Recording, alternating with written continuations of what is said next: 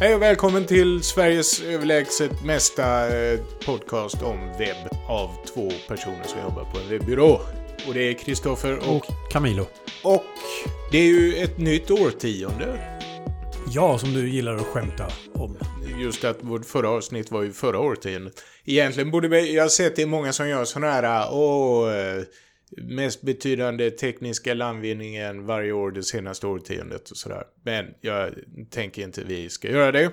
Och det blev inga nyårskarameller i år. Nej, det det inte. Eller Men, men det som är intressant med att då prata om årtionde. Det, jag har kollat på någon video där de gick igenom typ bästa tv-spel då förra årtiondet. Ja, Och det intressanta där är att man ser hur jäkla mycket som händer på Ja. tio år. Och, och då var det tv-spel.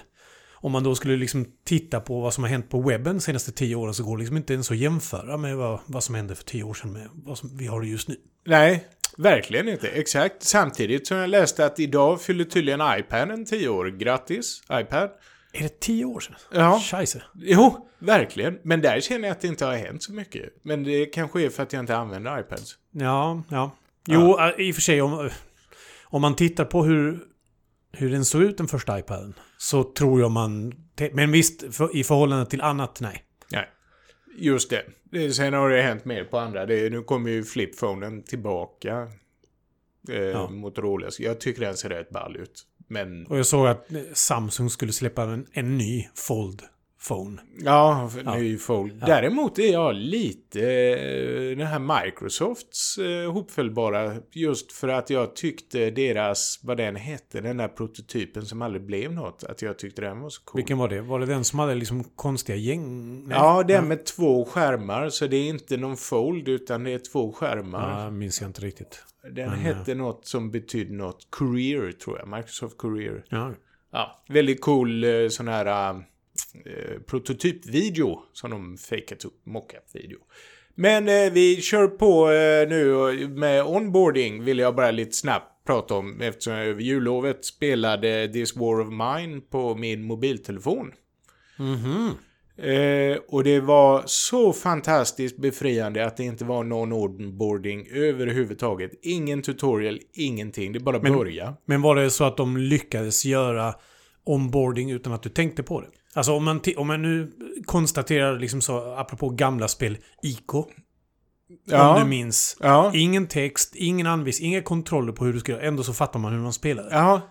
Och det är nog det de har gjort. Jag ska se om jag hittar. Det finns en jättebra video när de går igenom första banan på Super Mario.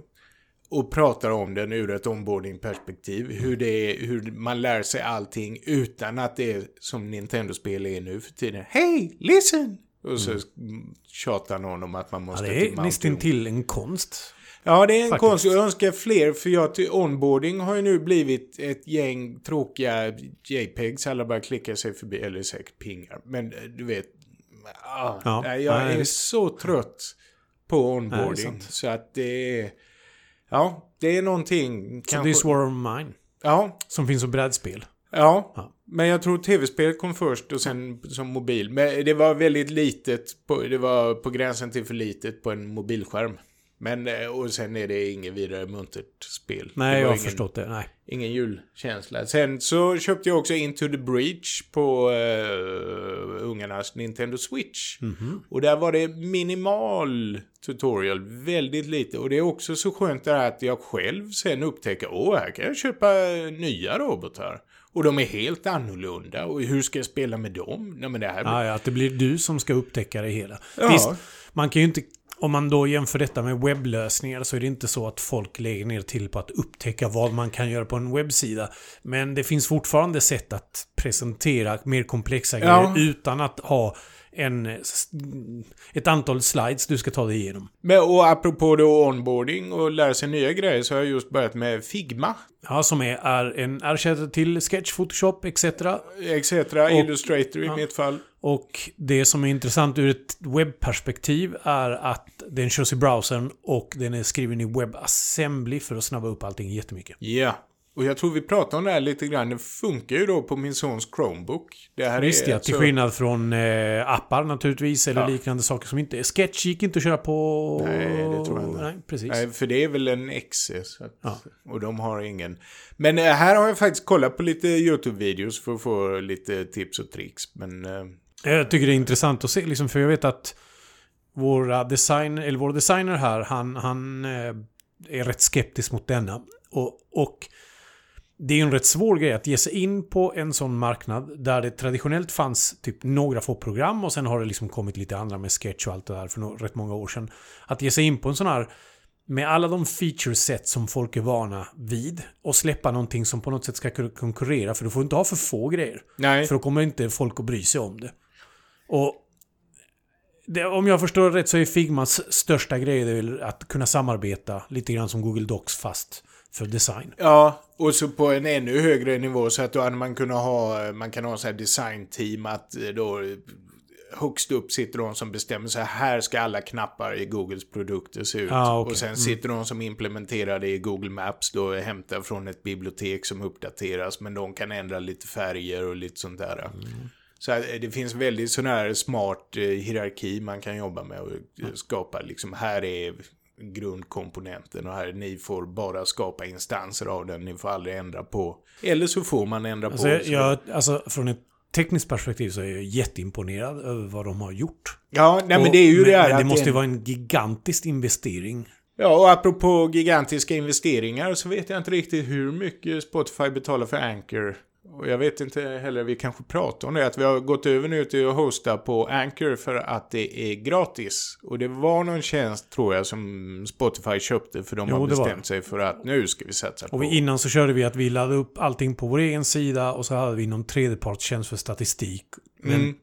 det var rätt svårt att tyda vad den här statistiken egentligen var för någonting och krångel med att ha ja, för många grejer hos oss. Så nu har vi gått över helt. Mm.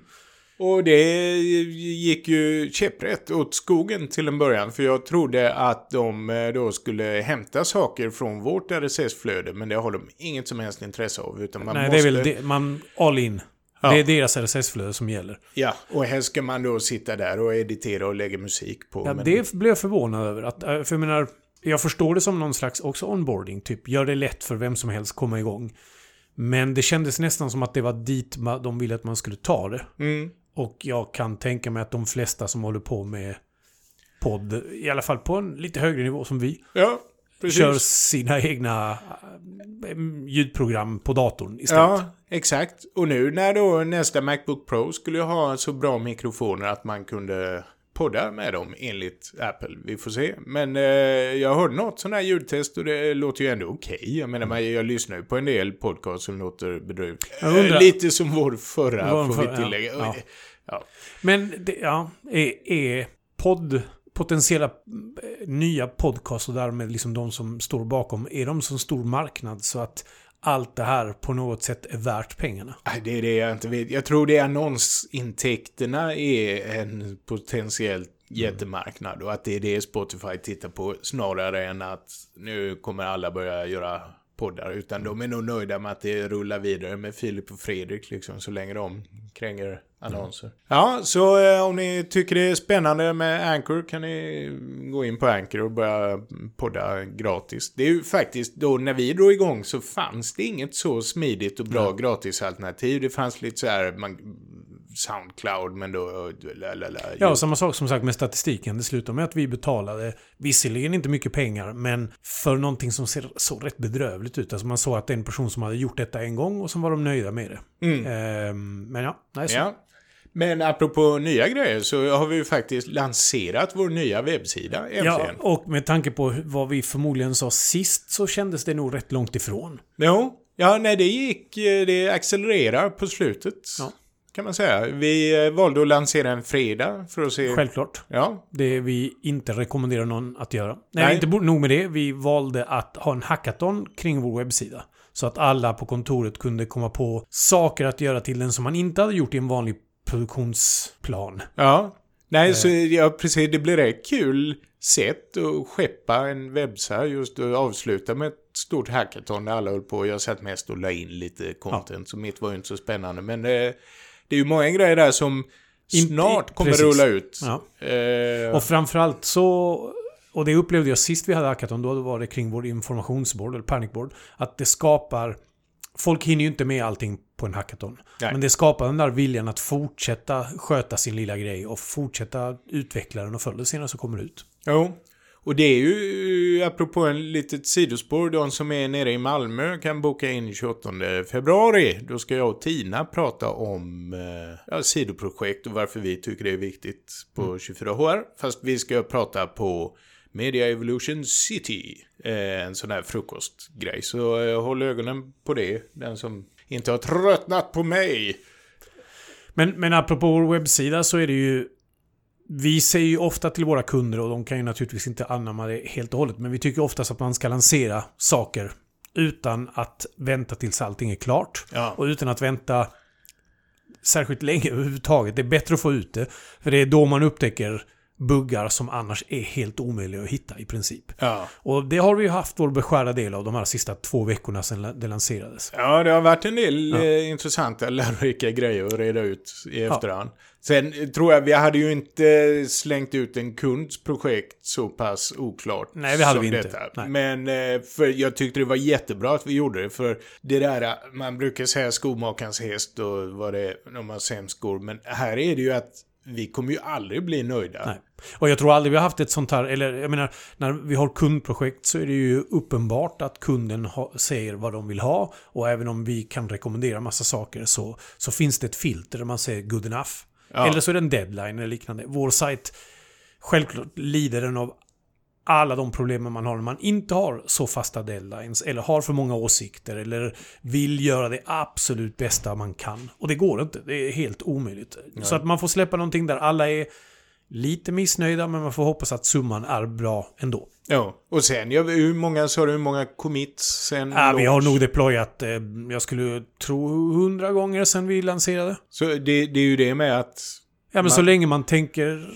Så länge man har det i tankarna och det inte är särskilt stor grej att deploya så är det ingen issue. Och jag det är ju egentligen, egentligen, egentligen, ja, men det är ju det som är grejen med virtuella saker. Att det behöver inte vara för Det är ju skillnad. Nu är jag äntligen igång med mitt kök. Jag är säker på alla lyssnare så här vet hur går det med köket. Och nu är det äntligen igång. Men där går det ju inte att säga så nu kan ni börja laga mat. Och imorgon kommer elektrikern. Och sen kommer han platsättaren och sätter kakor. Utan det, där måste det ju vara klart. Eller varje sak som görs har mycket större konsekvenser än vad vi... En, en kod. Ja, för det är, så, det är lättare att ändra i koden och det är lättare att lägga till. Och framförallt så är det massa grejer som man inte upptäcker när det sitter tre personer och surfar lite halvhjärtat. Cachning. och Ja, cachning. saker. Men eh, hur som helst så är vi rätt nöjda. Vi har fått rätt bra... Du har ju twittrat om det. Vi har fått rätt bra lighthouse score som vi tycker är viktigt. Ja, Eh, och det finns jättemycket mer vi vill göra. En gigantisk backlog av saker. Men en, en grej jag inte hade tänkt på efter att vi hade lanserat sajten är hur begränsande vår gamla sajt var. Eftersom den var jättegammal och teknik som inte längre var lika intressant och många människor som kom in och ut ur projektet och vi hade lite praktikanter som gjorde vissa grejer så var det ingen riktigt som vågade ändra på saker för att man visste inte vad som gick sönder. ja, Det har gjort att vi nu vågar göra många fler grejer och vågar testa och deploya och det blev fel, vi fixar till det. Eh, så det har blivit en, eh, nu låter man superklyschig, mycket mer levande sajt. Ja. Och det tycker jag är mycket trevligt. Jo, och plus att den är som sagt, vi har väl en sida där det finns en fast mall och det är nyhetslistningen. Allt annat är ju uppbyggt i... Och den ska vi ändra så att det inte är en fast mall heller. Eller att det är ett block i Wordpress också. Ja, precis. Och det, det tycker jag är superintressant. Och också en sån här no-brainer. Och det är ju dit alla är på väg med. Och det är ju där många, eh, CMS har ju alltid haft sådär, man bygger upp sina sidor med olika. Det har till och med SharePoint hade det på sin tid. Jo, Ja. sen skulle Men- den aldrig varit en publik. Nej. Det var där... Och där, och där är det, och det här är någonting vi pratar om apropå CMS och headless och in-page editing. Att de CMSen som fortfarande idag och då på den tiden SharePoint hade var att Du kunde lägga in nya block, men du gjorde det i utse i, liksom på sidan som var publik, eller sidan som var... Det, det, det besökaren såg hade ett speciellt läge där du kunde stoppa in saker. Och, och vi tror ju inte riktigt på det. Jag tror det, det ger så mycket mer huvudvärk att göra en sån sak. Ja. Och då sitter du till slut och optimerar en sida för både redaktörer och besökare. Och det är inte det man ska göra. Sen om vi går vidare på andra nyheter så eh, har du hört talas om datavocabulary.org? Nej, jag har inte gjort det. Nej, inte jag heller. Nej. Och nu lägger Google ner stöd för det. Ah. Ja. Ja, precis som AppMaker. Fast det här är, tror jag inte ens en Google-produkt, utan detta är då en, ett alternativ till schema.org som vi brukar gå runt och tjata om, som det ligger nu en video i eh, de här show notesen ska jag förresten säga. De har tidigare varit feltaggade i vår XML. Så ibland om man har en viss typ av poddapp och jag börjar yra om eh, länkar i show notesen och just du som lyssnar nu inte kunnat hitta de länkarna så är det för att och, det är inte alla appar som renderar våra show notes. Och när du säger XML så är det inte så att vi fortfarande älskar att jobba i XML men ja, av någon anledning så lever fortfarande RSS feeds som ja. XML och det är det som har som man gör. Jo, nej jag tror XML eh, har sin plats. Ja, fast ändå. Jag ett... sa ju till dig att jag, jag satt och kollade efter konferenser och det var en XML-konferens någonstans i Europa. Och, och tänkte jag mig liksom, när de här organisatörerna sitter och tänker, de måste ju fundera varje år, okay, ska vi verkligen ha i år igen. Ah. Eller inte? Nej, jag tror jag, det är, jag är övertygad om att i, i mer sådana här industrisammanhang när det gäller att skicka ja, jo, över data och Nu sitter jag och tänker att allting är webb på ja, det här sättet. Nej, nej, utan nej, det här är mer för att kunna dela data på ett vad nu heter, det hade, normaliserat Det hade varit väldigt intressant att någon som verkligen brinner och kan sin XML förklarar liksom hur utvecklingen för XML har, har varit de senaste tio åren. Ja. För i min värld har det stagnerat, men det är för att jag inte kan tillräckligt mycket. Nej, exakt. Eh, men eh, det här alternativet till schema.org och som den som vill veta mer om schema.org kan titta på den här videon som ligger länkad förhoppningsvis men, i showen. Vad sa du? Det var, in, var det Google som var bakom Data Vocabulary? Nej, inte som jag fattade var det här någon tredjepart och sen så lägger de ner stöd för det för att ingen använder det. Mm. Jaha, nej, okej okay då. Och apropå då att lägga ner stöd så gick de ut och skröt lite om att de skulle sluta eh, tillåta sån här third party cookie tracking i Chrome. Men det var typ om två år och jag fattar så att Men, det... Och det var inte nog med det. De ska dessutom sluta skicka med en massa information om browsern varje gång du besöker en sida. För idag varje gång du besöker en sida så, så, skickar du med någonting som heter User Agents för alla de som inte vet om det. Och där finns information om vilket OS du har, vilken browser du har och en massa annat smått. Och ja. det tillsammans med annat använder man för att göra sån här fingerprinting så att man kan veta att du du även när du surfar på en annan eh, browser eller för den delen på en anonym tab eller liknande. Ja. Och det ska kortas ner till att skicka med om det är mobil eller desktop och om det var OS också. Men det, och det inte är mer. För det är ju många sådana här API-grejer man kollar, men stödjer denna uh, fingerprintläsning i Chrome? Och då brukar det väl vara user agent man går in och kollar? Jo, det är bland annat. Men, men om man tittar på det vi, det vi använder det till, user ja. agent, är precis de två grejerna som de kommer ha kvar. Jo. För det enda du vill göra är att, okej, okay, har de en mobil, kanske vi behöver tänka på andra saker. Har du, eh, är du i Windows, eller sitter du med Internet Explorer så behöver vi tanka på en annan saker. Eh, mm. Andra saker. Jag tror att det var det. Mob, eh, vad heter det? Browser och eh, mobil eller inte. Ja, nej för vår del räcker det ju rätt bra. Såvida det inte är just det där, men har denna stöd för att använda eh, accelerometern.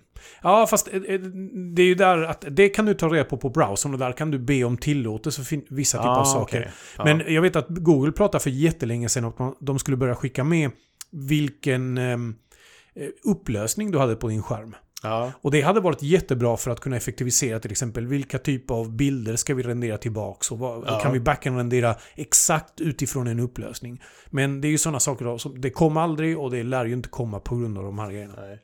Sen är ju det här, det låter ju fint och bra att eh, det blir svårare att spåra folk, men samtidigt Google kommer ju kunna spåra, så det är ju många som säger att nu bygger de ju sitt monopol starkare. Eh, de ja. har ju inte riktigt monopol eftersom Facebook finns, men övrigt Men frågan är, kommer de att kunna, eh, vad ska vi säga, har de samvete nog att säga att om du har ett anonymt fönster så ska de inte kunna spåra? För det, det är ju det det handlar om, att vill jag inte ha cookies så ska jag inte ha cookies. Jo. Och, och Firefox och liknande försöker göra till sin grej. Eh, du använder väl Brave Ja. som jag...